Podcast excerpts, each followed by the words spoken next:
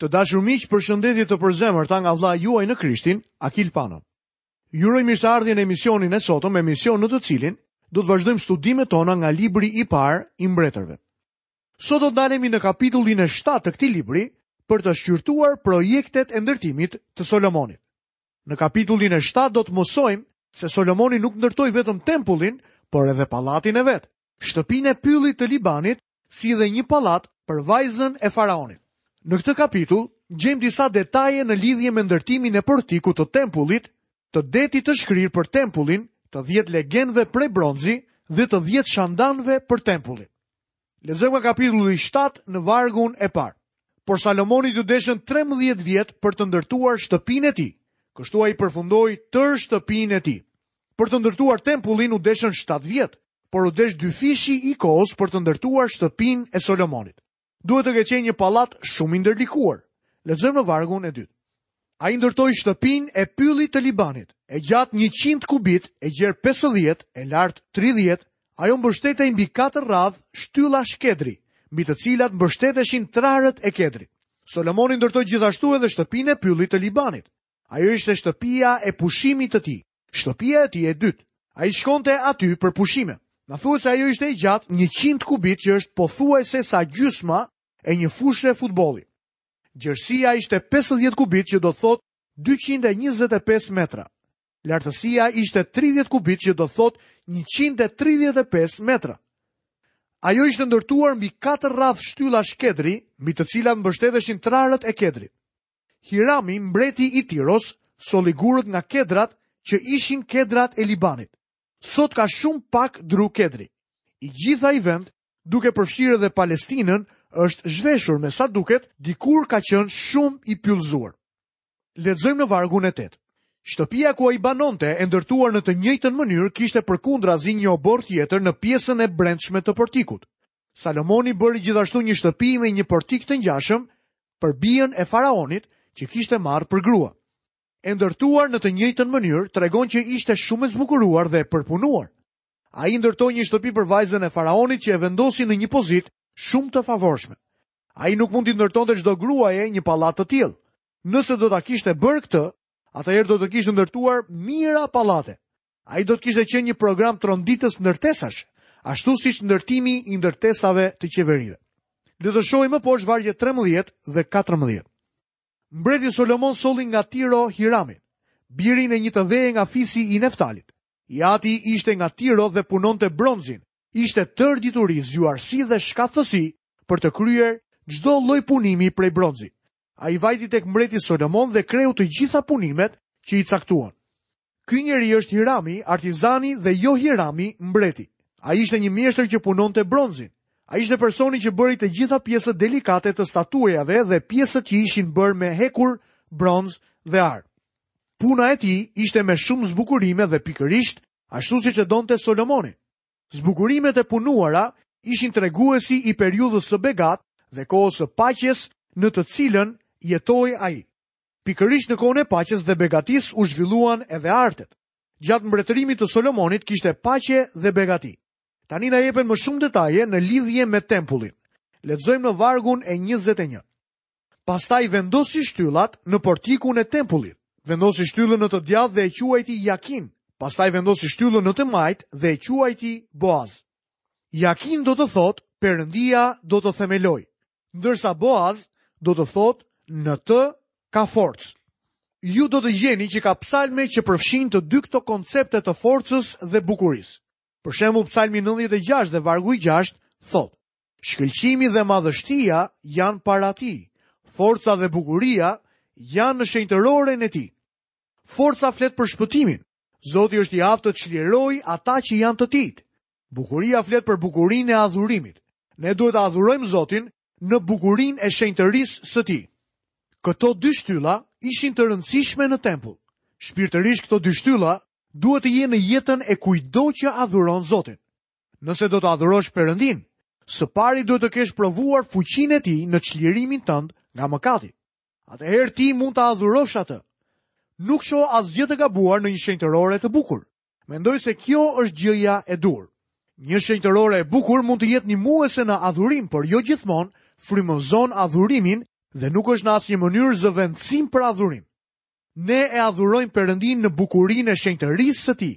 Kjo do të thotë se kur shkojmë në prezencën e Zotit dhe ndjejmë prezencën e Tij, kuptojmë paaftësitë tona.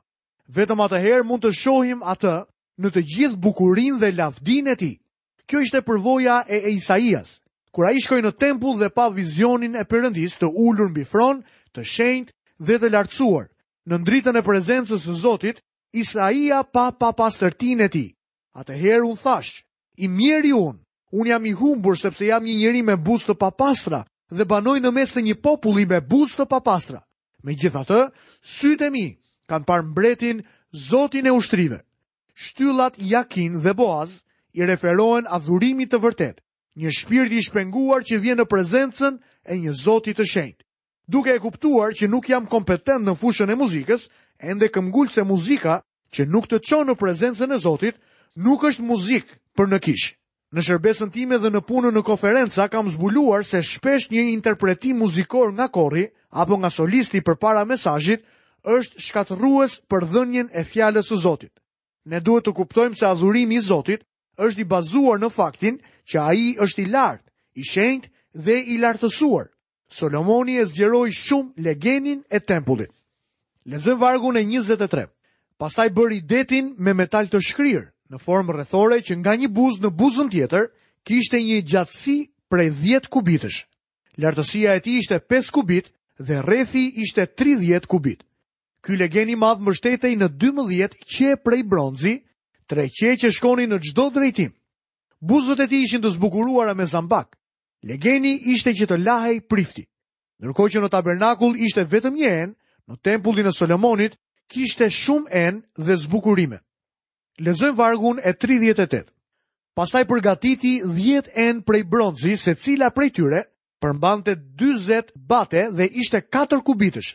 Dhe çdo enë mbështetej mbi njërin nga 10 qerret. Qëllimi i këtyre 10 enëve ishte pastrimi i gjërave që ofronin për sakrificë. Por për të pastruar zemrën, duhet më tepër se sasi dhe bukuri. Të gjitha enët e botës së bashku nuk janë në gjendje të pastrojnë asnjë person nga mëkati. Është uji në enë ai që pastron. Uji përfaqëson fjalën e Zotit. Të lahesh në fjallën e Zotit do të thotë ta zbatosh atë në jetën tënde. Lexojmë vargjet 48 dhe 49. Solomoni bëri që të prodhohen tërë orenditë e shtëpisë së Zotit. Altari prej ari, tryeza prej ari, mbi të cilën viheshin bukët e paraqitjes, shandanët prej ari të kulluar, pesë në të djathtë dhe pesë në të majtë, përpara vendit shumë të shenjtë, me lulet, me llampat dhe me gërshërët prej ari. Në tabernakull kishte vetëm një shandan, i cili i referohej Krishtit. Në tempull ishin 10 të tillë. Sërish këtu kemi një shumëfishim të shandanëve. Në shoqërinë tonë bashkohore ekziston rreziku i përdorimit të emrit të Zotit Jezus vend e pa vend. Për shembull, një ditë më parë dëgjova dikë që po jepte një mesazh. Ai e përmendi emrin e Jezusit mbi 50 herë para se të mbërrinte në gjysmën e mesazhit të tij. Përmendja e emrit të Zotit herë pas here është një lloj si shumëfishimi i shandanëve. Gjithashtu kam dëgjuar një tjetër person që tha se do të shkonte në prezencën e Zotit Jezus, do të ulej dhe do të bisedonte me të. Ndoshta ai do ta bënte vërtet këtë gjë, nuk e di. Por Bibla nuk sugjeron një familiaritet të tillë me Krishtin e lartësuar. Gjoni e kishte shumë mik Zotin kur ishte në mish. Por kur shkruan për reagimin e tij, kur e sheh Krishtin të lartësuar, Gjoni thotë, dhe kur e pashë, rashë përpara këmbëve të tij si i vdekur. Mendoj që në të njëjtin pozicion do të jemi edhe ne, kur të shkojmë në prezencën e Zotit. Miqtë e mi, le të mos i shumëfishojmë shandanët, duke u bërë më shumë seç duhet të familiarizuar me të. Ai është personi që ne adhurojmë dhe admirojmë. Ai është personi para të cilit do të biem me fytyrë përmbys. Lexojmë poshtë në vargun e 51. Kështu përfundoi tërë puna që mbreti Solomon kishte bërë për shtëpinë e Zotit. Pastaj Solomoni solli argjendin, arin dhe veglat, të cilat i kishte shenjtëruar Davidi, ati i tij, dhe i vendosi në thesaret e shtëpisë së Zotit. Këtu kemi përfunduar studimin e kapitullit të 7 dhe menjëherë fillojmë së bashku studimin e kapitullit të 8 në librin e parë të mbretërve. Këtu do të studiojmë përkushtimin e tempullit të mbaruar. Në këtë kapitull arka e besëlidhjes futet në tempullin e përfunduar. Lavdia Shekina mbush shtëpinë e Zotit dhe Solomoni jep mesazhin e tij dhe lutjen e përkushtimit. Lexojmë në vargun e parë në kapitullin e 8. Atëherë Solomoni mblodhi në prani të tij në Jeruzalem pleqtë e Izraelit dhe tërë krerët e fiseve, prijësit e familjeve të Izraelit për të çuar arkën e besëlidhjes së Zotit në qytetin e Davidit, domethënë në Sion. Kur arka u soll nga tabernakulli dhe u vendos në vendin shumë të shenjtë të përgatitur për të, Lavdia e Zotit mbushi tempullin. Lexojmë nga vargu i 10 dhe i 11. Por ndodhi që ndërsa priftërinjtë po dilin nga vendi i shenjtë, reja e mbushi shtëpinë e Zotit, dhe priftërinjtë nuk mundën të qëndrojnë për të shërbyer për shkak të resë, sepse lavdia e Zotit mbushte shtëpinë e tij. Në mesazhin përkushtues të Solomonit, do të shohim që ai i jep meritën e duhur atit të tij, Davidit. Lexojmë nga vargu i shtatëmbëdhjetë deri në vargun e njëzet. Por Davidi, ati im, e kishte në zemër të ndërtonte një shtëpi në emër të Zotit, Perëndisë së Izraelit.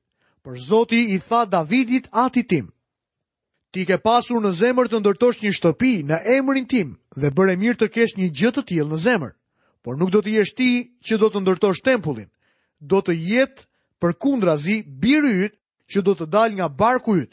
Do të jetë ai që do të ndërtojë tempullin në emrin tim. Kështu Zoti e mbajti fjalën që kishte thënë, dhe unë zura vendin e Davidit ati tim.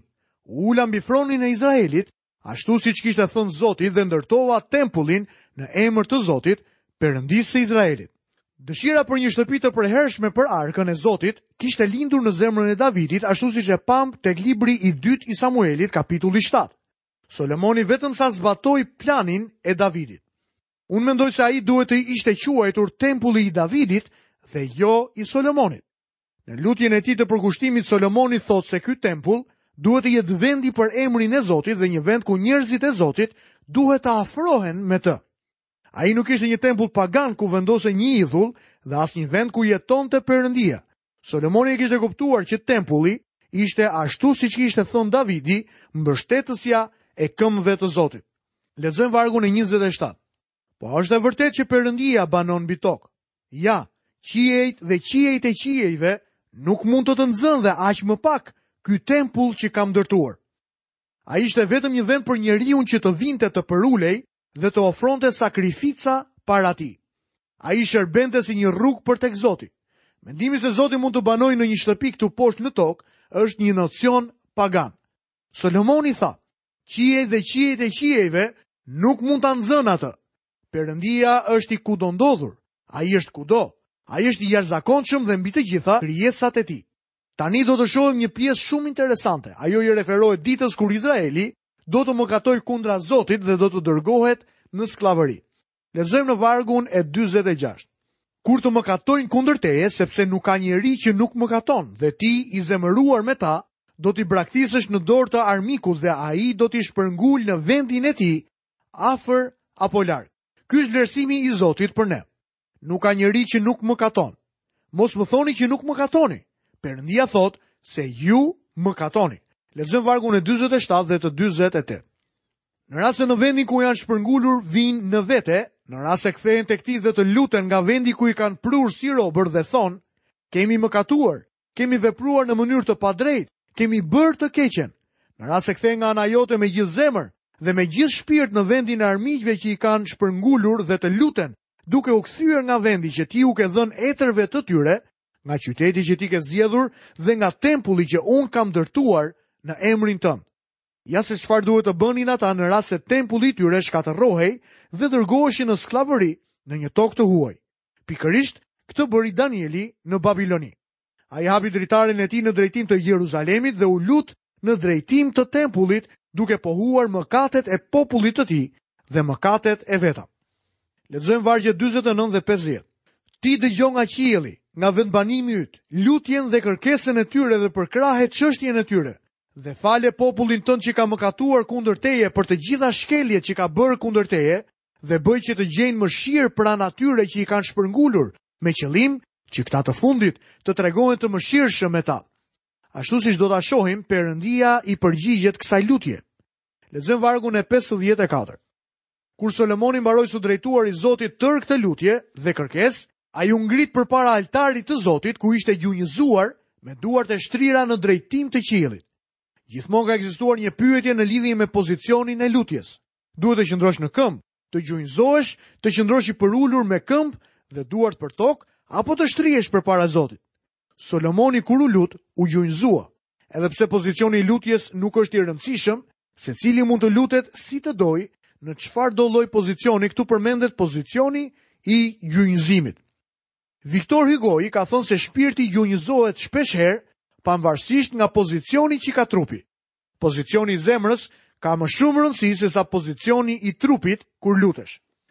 Lexojmë më poshtë vargjet 63 deri 65.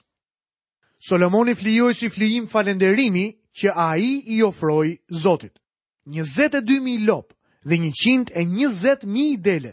Kështu mbreti dhe tërë bijtë e Izraelit ia kushtuan shtëpinë e Zotit. Po atë ditë mbreti shenjtëroi pjesën tjetër qendrore të oborrit, që ndodhet përpara shtëpisë së Zotit. Në fakt, aty ai ofroi olokauste, blatimet ushqimore dhe dhjamin e flijimeve të falënderimit. sepse altari prej bronzi që ndodhet përpara Zotit ishte tepër i vogël për të nxënë olokaustet, blatimet e ushqimit dhe dhjamin e flijimeve të falënderimit.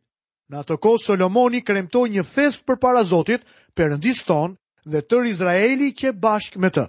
Me të u bashkua një kuvend i madh njerëzish të ardhur nga rrethet e Hamathit deri në përroin e Egjiptit për 7 ditë dhe për 7 ditë të tjera gjithsej për 14 ditë. Me sa duket, altari në tempull nuk mund t'i nxinte të gjitha kafshët e sakrificës të përmendura në këtë pasazh. Për këtë arsye u ngritën altarë të përkohshëm për të mbajtur numrin e madh të kafshëve që u caktuan për t'u sakrifikuar në këtë kohë. Mendoj se këta altarë arrinin deri në rrugën veriore për në Hamath dhe gjatë gjithë rrugës së jugut përgjatë lumit të Egjiptit. Pas ofrimit të kafshëve, ata hoqën altarët dhe ndanë ushqimin me njerëzit. Mund të themi që ishte një kohë e jashtëzakonshme festimi dhe pikniku. Lexojmë vargun e fundit në studimin për sot, vargu i 66 i kapitullit të 8, në librin e parë të mbretërve. Ditën e tetë ai e shpërndau popullin dhe ata që ishin mbledhur e bekuan mbretin dhe u kthyen në çadrat e tyre të gëzuar dhe me zemër të kënaqur për tërë të mirat që Zoti u kishte bërë shërbëtorit të tij David dhe Izraelit, popullit të tij. Të dashur miq, këtu kemi mbërritur në fundin e emisionit të sotëm. Lutem që Perëndia të derdhë me bollëk bekimet dhe paqen e tij në jetën tuaj. Bashkë mirudëgjofshim në emisionin e ardhshëm.